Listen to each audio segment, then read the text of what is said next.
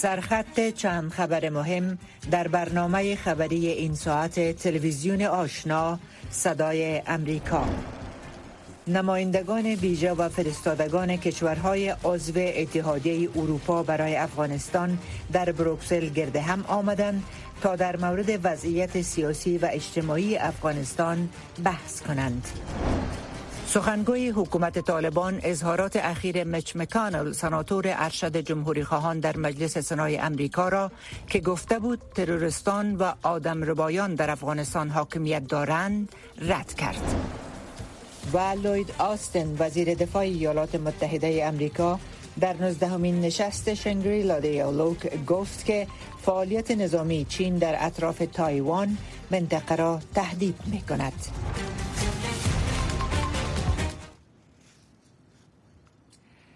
بینندگان محترم با سلام مجدد به برنامه این ساعت تلویزیون آشنا صدای امریکا از واشنگتن دی سی خوش آمدید امروز شنبه 11 ماه جون سال 2022 میلادی است.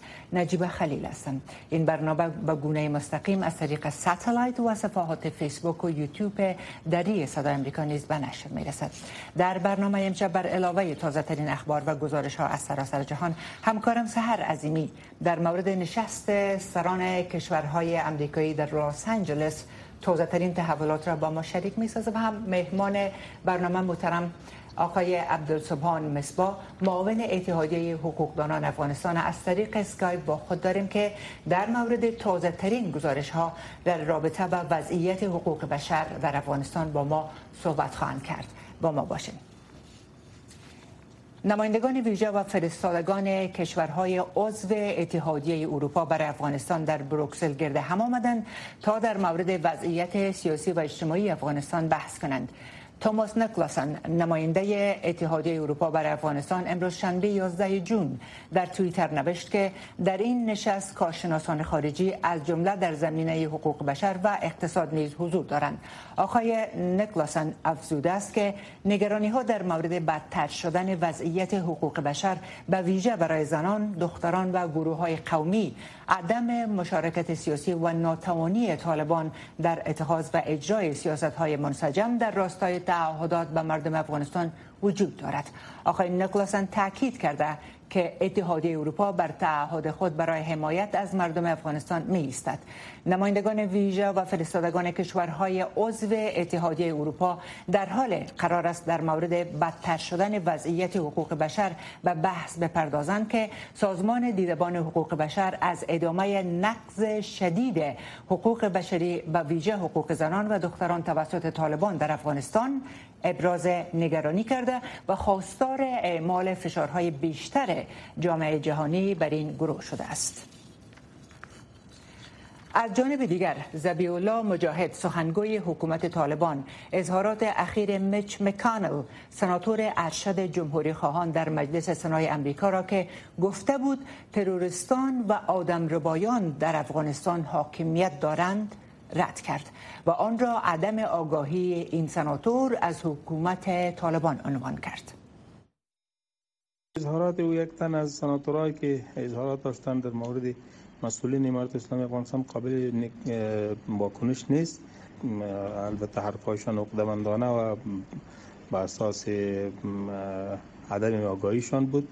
آنها شاید امارت اسلامی را نمی‌شناسند یا از طریق افواهات و تبلیغات و پروپاگاندی که شده در موردش معلومات حاصل کردن و حرفایشان قابل واکنش نیست.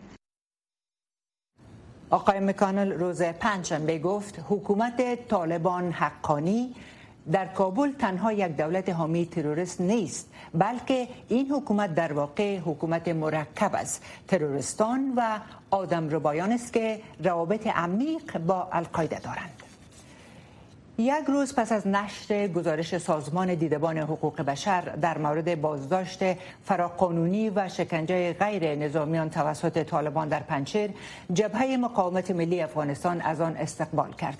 اما طالبان این گزارش را رد کرده و به اساس خوانده است. برای بحث روی این موضوع محترم آقای عبدالسبحان مصباح معاون اتحادیه حقوقدانان افغانستان را از طریق اسکایپ از شیکاگو با خود داریم. آقای مزبان سلام خوش آمدین به برنامه. شما اظهارات مچ مکانل شنیدین. دیدین به نظر شما اظهارات آقای مکانل از کجا ریشه می‌گیره؟ سلامت باشین. سلام خدمت شما و بیننده های محترم ریشه اظهارات آقای مچ مکانل مشخص نیست. در این مورد چون اسناد یا شواهدی که این موارد را مشخص بسازه بیشتر وجود نداره ولی بحث اساسی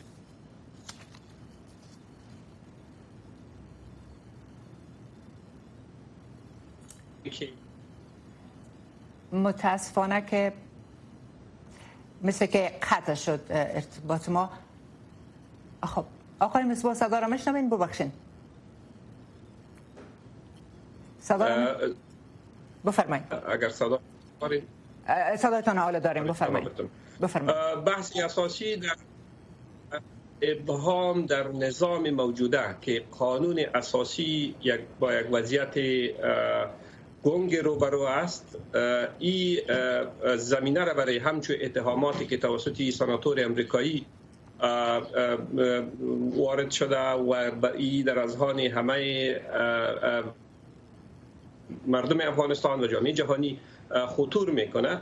این منشه از این است که نویت نظام هنوز مشخص نیست. قانون اساسی که بتانه تضمین های را به سطح ملی و بین المللی به وجود بیاره تا همچو اتهامات به اساس باشه.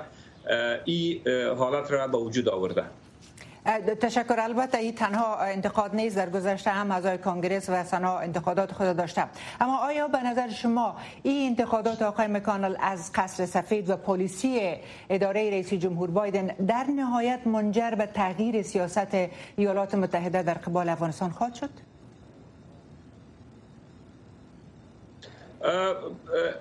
پالیسی اداره جو بایدن در خصوص خروج نیروهای امریکایی افغانستان پالیسی درست نبود. خصوصا این ضررهای بسیار زیاد را برای افغانستان وارد کرد. بناهن این اظهارات و یا وضعیت فیلی که در افغانستان ادامه داره لازم است تا ایالات متحده امریکا پالیسی خود را در خصوص افغانستان تغییر بده زمینه را برای رسمیت شناختن و یا سیاسی اقتصادی و یا در کل بحران هایی که فعلا افغان به او دچار هستند به ای تا به ای خاتمه داده شود. نقش امریکا در این خصوص بسیار مهم است ولی لازم است تا همچو نقد هایی که صورت می‌گیره به شکل درست و همه جانبه بررسی شود و پالیسی خود را ایالات متحده امریکا در این خصوص تغییر بده.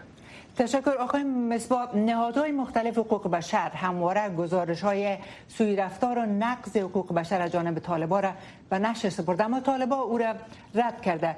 در این میان افراد ملکی تلفات متقبل میشن. آیا کدام راهی دیگر به جز گزارش دهی وجود داره یا خیر؟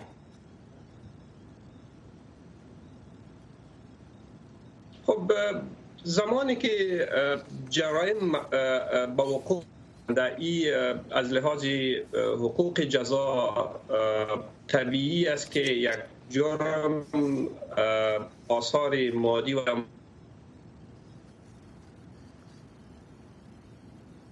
و متخصص در این عرصه تحقیقات خود را داشته باشه. از طرف دیگر دسترسی به عدالت در این خصوص بسیار مهم است چون جنایت های جنگی بر اساس قوانین موضوع افغانستان و اسناد بندلی جرم تلقی دسترسی به یک عدالت که او باشه قانونی باشه و بر مبنای امو به نفع اونمو قربانی هایی که در این جنگ ها قربانی میشه. دسترسی به این عدالت و همچنان آوردن فشار جامعه جهانی در این خصوص تا اینکه موارد مشخص شود باشه به خاطر که هر دو طرفی که فعلا ادعا یک طرف ادعای از داره که خب. جرایم جنگی صورت گرفته از طرف هم ادعای از است که رد شده این درست نیست. در حالی که تحقیقاتی که واشنگتن پست یا نهادهای دی سازمان های حقوق بشری بله. محترم عبدالسبحان مصبا معاون اتحادیه حقوقدانان افغانستان بسیار تشکر از وقتتان که در اختیار برنامه گذاشتین. ولادیمیر پوتین رئیس جمهور روسیه روز جمعه گفت که مسئولیت اصلی تلاش های بازسازی در افغانستان باید و دوش ایالات متحده و متحدانش باشد. قربان کلی بردی محمد معدوف البته گفت در, در جریان صحبت با اونا چنین چیز اظهار داشت. اظهارات آقای پوتین در حال بیان شد که وی با سردار بردی محمدوف رئیس جمهور تازه منتخب ترکمنستان در مسکو دیدار کرد. پوتین و رهبر ترکمنستان در جریان سفرش به مسکو مدال دوستی اعطا کرد. بردی محمدوف در ماه مارچ به قدرت رسید و پس از انتخابات زودنگام جاگزین پدرش شد.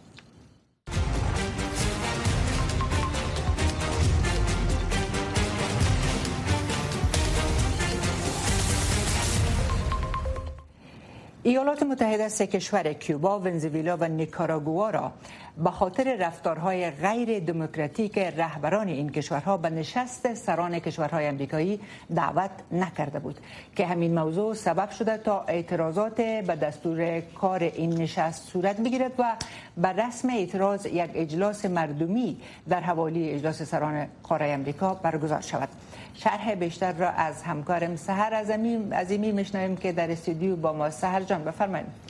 سلام دوباره به شما و به بیننده های عزیز. جو بایدن رئیس جمهور ایالات متحده و رهبران سران کشورهای آمریکایی روز جمعه اعلامیه مهاجرتی را که مجموعه ای از اقدامات جدید برای مقابله با بحران مهاجرت منطقه‌ای می باشد در نهمین نشست سران کشورهای آمریکایی معرفی کردند.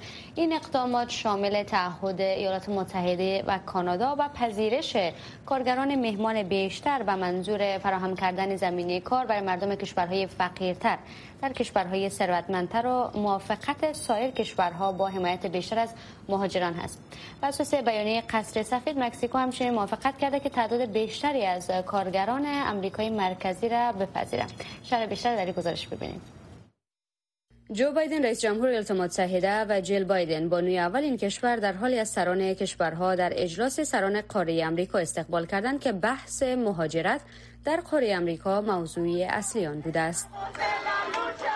فعالان حقوق مهاجران خواستار حل و فصل وضعیت مهاجران غیرقانونی در ایالات متحده شدند یک سن از حامیان حق سقط جنین خود را به حصارهای آهنی اطراف این گرده همایی زنجیر کرد زیرا محکمه عالی ایالات متحده بار دیگر این موضوع بحث برانگیز را بررسی می کند و سایر معترضان متحده که میزبان اجلاس است به خاطر شامل نساختن کیوبا، نیکاراگوا و ونزوئلا در این نشست اعتراض کردند. ایالات متحده می‌گوید فقط کشورهای دموکراتیک جایی برای اشتراک در این نشست دارند. از سوی دیگر ایالات متحده چندین کشور را وادار کرد که هیئت‌های بلندپایه اعزام نکنند منتقدان حذف برخی کشورها از سوی امریکا را ریاکارانه خواندند شما مقامات کشورهای مانند رئیس جمهور ژایر بورسولنارو در برازیل را دارید که دعوت شدند. کسی که ملاقات شخصی خود را با بایدن دارد و سیاست های بسیار سرکوبگرانه دارد. تا جمله جنگل آمازون را می سوزاند کسی که نماینده نیازهای مردم یا کره زمین نیست. وی همچنین گفت که اداره ریاست جمهوری بایدن در حال بررسی سفر به عربستان سعودی است که حکومت آن به طور گسترده متهم به ایفای نقش در قتل جمال خاشقچی در سال 2018 دارد. تحلیلگران می‌گویند هدف از این سفر که هنوز تایید نشده است احتمالا تثبیت قیمت نفت است. یک رویداد کوچکتر به نام اجلاس سران مردم برای دموکراسی در همان حوالی ها برگزار شد و روزانه هزار شرکت کننده از 15 کشور در طول مدت اجلاس حضور یافتند. ما احساس می‌کنیم که اجلاس سران قاره امریکا میلیون ها نفر را از این منطقه محروم کرده است که شامل سیاپوسان و بومیان، گروه های زنان، کارگران و دهقانان می شود و از سوی دیگر ما را از اشتراک در این بحث محروم کردند. دولت بایدن می‌گوید توسعه اقتصادی، محیط زیست، مهاجرت، رفاه زنان و حقوق دموکراتیک در دستور کار قرار دارند. این اجلاس همچنین از انجمنهای جوانان و انجمنهای مدنی حمایت کرده است. رئیس جمهور مکزیکو که در کشورش ماند وزیر خارجه خود را فرستاد. یک سناتور مکزیکی که منشی عمومی حزب حاکم کشورش است در اجلاس سران مردم شرکت کرد. او می‌گوید با وجود اختلاف نظرها امیدوار است روابط قوی بین دو کشور برقرار شود.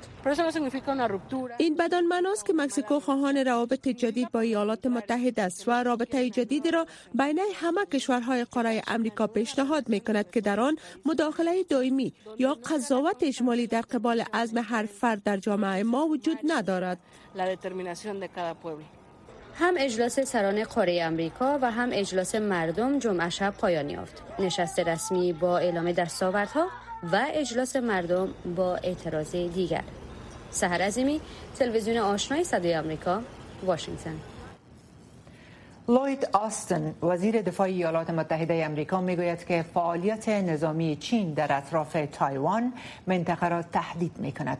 وزیر دفاع ایالات متحده که روز شنبه در نزدهمین نشست شنگریلا دیالوگ صحبت می کرد گفت کشورهای کوچک در جنوب شرق آسیا در مورد پرخاشگری نظامی چین نگرانند ولی افزود که منطقه هندو پاسیفیک در محراق استراتژی واشنگتن قرار دارد و اطمینان داد که معاونت های واشنگتن به کشورهای جنوب شرق آسیا به شمول تایوان ادامه خواهد داشت. لوید آستن وزیر دفاع ایالات متحده امریکا می گوید که فعالیت نظامی چین در اطراف تایوان منطقه را تهدید می کند.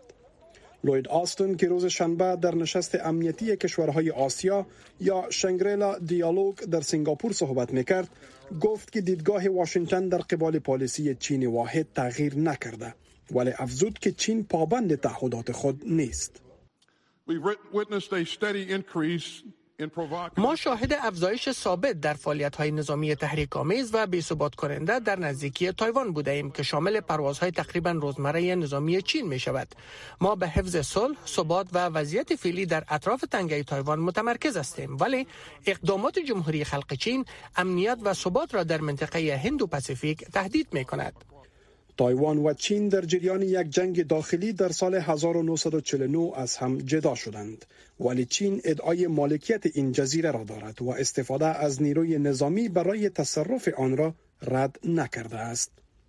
در طول سالهای اخیر چین تحرکات نظامی خود علیه تایوان را به این هدف افزایش داده است تا خواستهای بیجینگ را برای یکجا شدن با قلمرو اصلی چین بپذیرد. ماه گذشته جو بایدن رئیس جمهور ایالات متحده امریکا هشدار داد که در صورت اشغال تایوان توسط چین ایالات متحده مداخله نظامی خواهد کرد. جو بایدن گفت که ایالات متحده از پالیسی چین واحد حمایت می کند ولی افزود که چین صلاحیت تصرف تایوان با زور را ندارد. به عنوان بخشی از سیاست ما در قبال پالیسی چین واحد ما بر اساس قانون روابط با تایوان به عملی کردن تعهدات خود ادامه خواهیم داد و این کار شامل کمک با تایوان می شود تا بتواند قابلیت کافی برای دفاع از خود را داشته باشد. در حاشیه نشست Shangri-La Dialogue وزیران دفاع ایالات متحده و چین روز جمعه با هم دیدار کردند. به تعقیب این دیدار وزیر دفاع چین گفت که ملاقات او با همتای امریکاییش به خوبی به پیش رفت. ولی سخنگوی وزارت دفاع چین بعدا افزود که در این دیدار وزیر دفاع آن کشور بر موقف بیجینگ در قبال تایوان تاکید کرد. خبرگزاری دولتی چین گزارش داده است که در این دیدار وزیر دفاع آن کشور به همتای امریکایی خود در مورد اعلام واشنگتن مبنی بر فروش تسلیحات به تایوان نیز شکایت کرد. اعلام اخیر ایالات متحده مبنی بر فروش تسلیحات به تایوان پالیسی چین واحد و سه ابلاغیه مشترک میان چین و ایالات متحده را نقض می کند استقلالیت و منافع امنیتی چین را متاثر می سازد و روابط چین و ایالات متحده و ثبات در سراسر تنگه تایوان را آسیب می رساند بر اساس پالیسی چین واحد ایالات متحده بیجینگ را به عنوان حکومت چین به رسمیت می‌شناسد و روابط دیپلماتیک با تایوان ندارد ولی ارتباطات غیر رسمی دارد که شامل حضور یک سفارتخانه de facto در مرکز تایوان می باشد. ایالات متحده همچنان تجهیزات نظامی را برای دفاع از تایوان به این جزیره فراهم می کند. سید عزیز رحمان تلویزیون آشنای صدای امریکا واشنگتن ولادیمیر زلنسکی رئیس جمهور اوکراین می‌گوید که نتایج جنگ در کشورش تنها اوکراین را متاثر نمی سازد بلکه به گفته وی نظم آینده جهان را متضرر می کند البته روسیه تا تهیه این خبر در این رابطه واکنش نشان نداده اما در گذشته اتهامات مشابه را رد کرده است. آقای زلنسکی که از طریق آنلاین در نشست امنیتی آسیا موسوم به شنگریلا دیالوگ صحبت می کرد با اشاره به حمایت متحدان غرب و آسیاییش گفت که بسیار مهم است کشورهای به اوکراین کمک ارسال می کنند از این اقدام خود دست نکشند. ولادیمیر زلنسکی مستقیما اقدامات روسیه را با افزایش قیمت مواد مرتبط دانسته گفت که روسیه نخست برای افزایش قیمت ها انرژی را متوقف کرد و اکنون همین کار را در عرصه مواد غذایی می کند انتظار به پایان رسید. بینندگان و شنوندگان عزیز بعد از این می توانید برنامه های صدای امریکا را از طریق شبکه ماهواره جدید ببینید و بشنوید. برنامه های تلویزیون آشنا سی دقیقه کاروان و برنامه های رادیو آشنا را می توانید در چنل 469 شبکه ماهواره یاست دنبال کنید.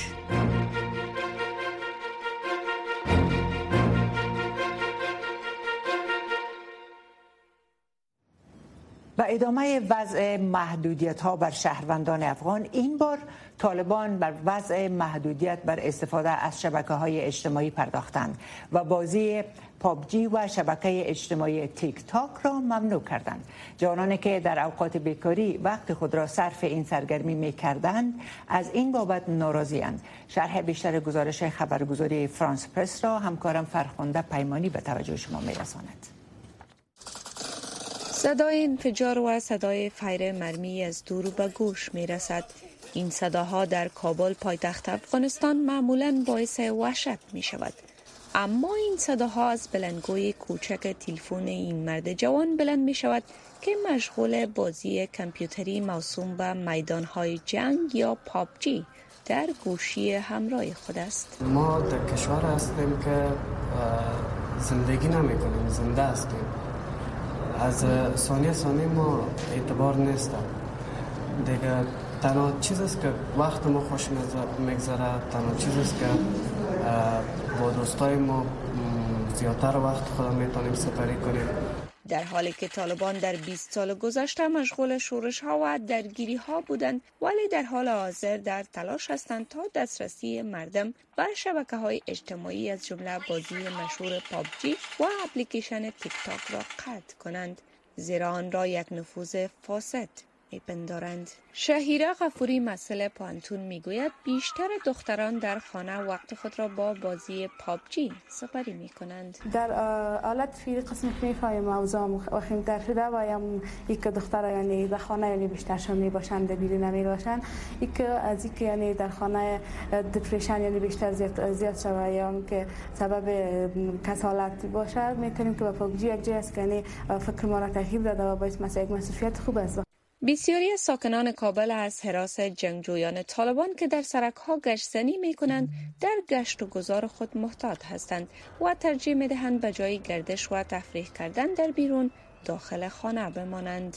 عبدالمجیب 20 ساله که قبلا معسل در پاهنتون بود پس از بازگشت طالبان به قدرت و رکود اقتصادی در کشور در اوقات بیکاری با بازی ویدیویی خود را سرگرم می کند بله تغییرات بسیار آمده که ما اکثریت وقت در حکومت قبلی ما در کار وظیفه و درس خود مصروف بودیم. فعلا حال درس هم تعطیل شده یک اکثریت وقتا دیگه کاربار نیست. زیادتر وقت مصروف سرگرمی نوشیدن می‌کنیم انعام الله سمنگانی معاون سخنگوی حکومت طالبان به خبرگزاری فرانسه گفته است که در مورد این موضوع در حال حاضر با شرکت های مخابراتی افغانستان در حال گفتگو است و هر دو برنامه به طور کامل در کشور ممنوع خواهد شد. این در حال است که مقامات طالبان در ماه اپریل سال جاری دستور ممنوعیت بازی پابجی و تیک تاک را صادر کرده بودند و استدلال کرده بودند که این بازی ها نسل جوان را به بیراهه هدایت می کند. فرخنده پیمانی تلویزیون آشنا صدای امریکا واشنگتن کشت نباتات که از آن در تولید روغن و صنعت استفاده می شود در میان کشاورزان در ولایت هرات افزایش یافته و دهقانان زیاد در این ولایت به کشت گل آفتاب پرست روی آوردند. شماره از این دهقانان می‌گویند که در تلاش جلب توجه کشاورزان برای کشت گل آفتاب پرست در عوض کوکنار هستند. عارف قطالی از ولایت هرات گزارش می‌دهد. نصیر احمد فیض محمدی یک از کشاورزان در ولایت هرات است که اراضی زیادی از زمینش را برای نبات گل آفتاب اختصاص داده است. مجموع اراضی که نصیر احمد از این نبات زیر کش دارد بالغ بر 50 جریب زمین می شود این کشاورز با توجه به میزان حاصلدهی خوب گل آفتاب پرست به کشاورزان دیگر نیز توصیه می کند که به کشت گل آفتاب پرست روی بیاورند و از کشت کوکنار دست بردارند. کشت گل آفتاب گردون کار شما می‌بینیم یک کشت خیلی مفیدی کشت خوبه که از یک کشت هم میشه روغن تولید کنم هم در کشور مصرف میشه و هم در خارج روغن از خیلی ارزش داره. و هم یک میوه خشک زمستانیه. از اول حمل تا اول میزان یک زمین را می توان در دو فصل بهاری و تابستانی یعنی دو بار از این نبات کشت نمود و میزان حاصلدهی آن هم در هر جریب تا مرز 400 کیلوگرم است. 50 نفر بالی از این کاملا آدمی که کش می‌کنه تا آدمی که جمع می‌کنه خانوادگی مصروفه. از خشاوی از شروع تا جمع کردن از تا تک دادن از تا پاک کردن از این.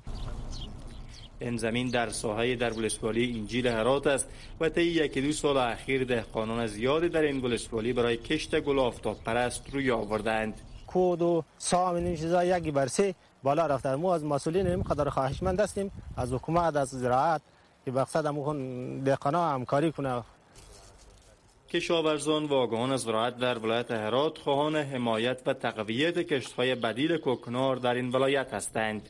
نسبت به نباتات دیگر به آب کمتری نیاز داره و کود کیمیایی کمتری نیاز داره و یک خوبی دیگه از اینه که محصول زیاد میده در حدود 100 تا 80 تا 100 من به جریب حاصل میده. در همین حال مسئولان در اداره زراعت ولایت هرات می‌گویند که کشاورزان گل آفتاب پرست را حمایت می‌کنند. ما در هرات در مجموع 371 هکتار سایه تحت کشت داریم و بالغ 500 تن تولید ما شده و رو این کشت نباتات سنت گل آفتاب پرست رو به افزایش به خاطر که بازار خوبی حال داره. گل آفتاب پرست در حال حاضر و در مجموع مصرف داخلی می شود و بازار خارجی ندارد. مسئولان اداره زراعت ولایت هرات اظهار امیدواری می کنند که در سال پیش رو و با توجه به اراضی زیادی که زیر کشت است میزان برداشت آن بالا باشد که بتوانند صادرات آن را به خارج از کشور داشته باشند. سید عارف قطالی تلویزیون آشنا صدای امریکا هرات. انتظار به پایان رسید. بینندگان و شنوندگان عزیز بعد از این می توانید برنامه های صدای امریکا را از طریق شبکه ماهواره جدید ببینید و بشنوید. برنامه های تلویزیون آشنا سی دقیقه کاروان و برنامه های رادیو آشنا را می توانید در چنل 469 شبکه ماهواره یاست دنبال کنید.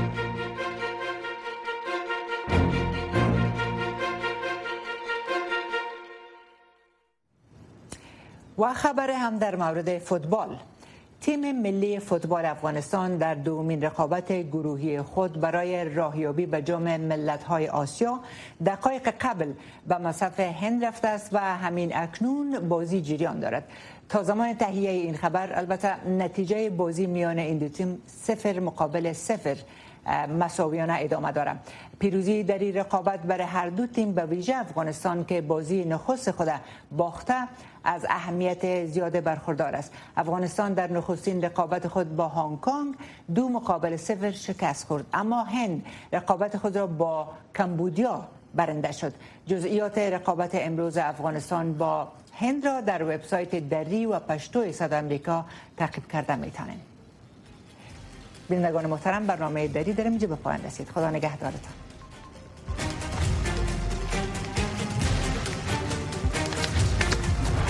اما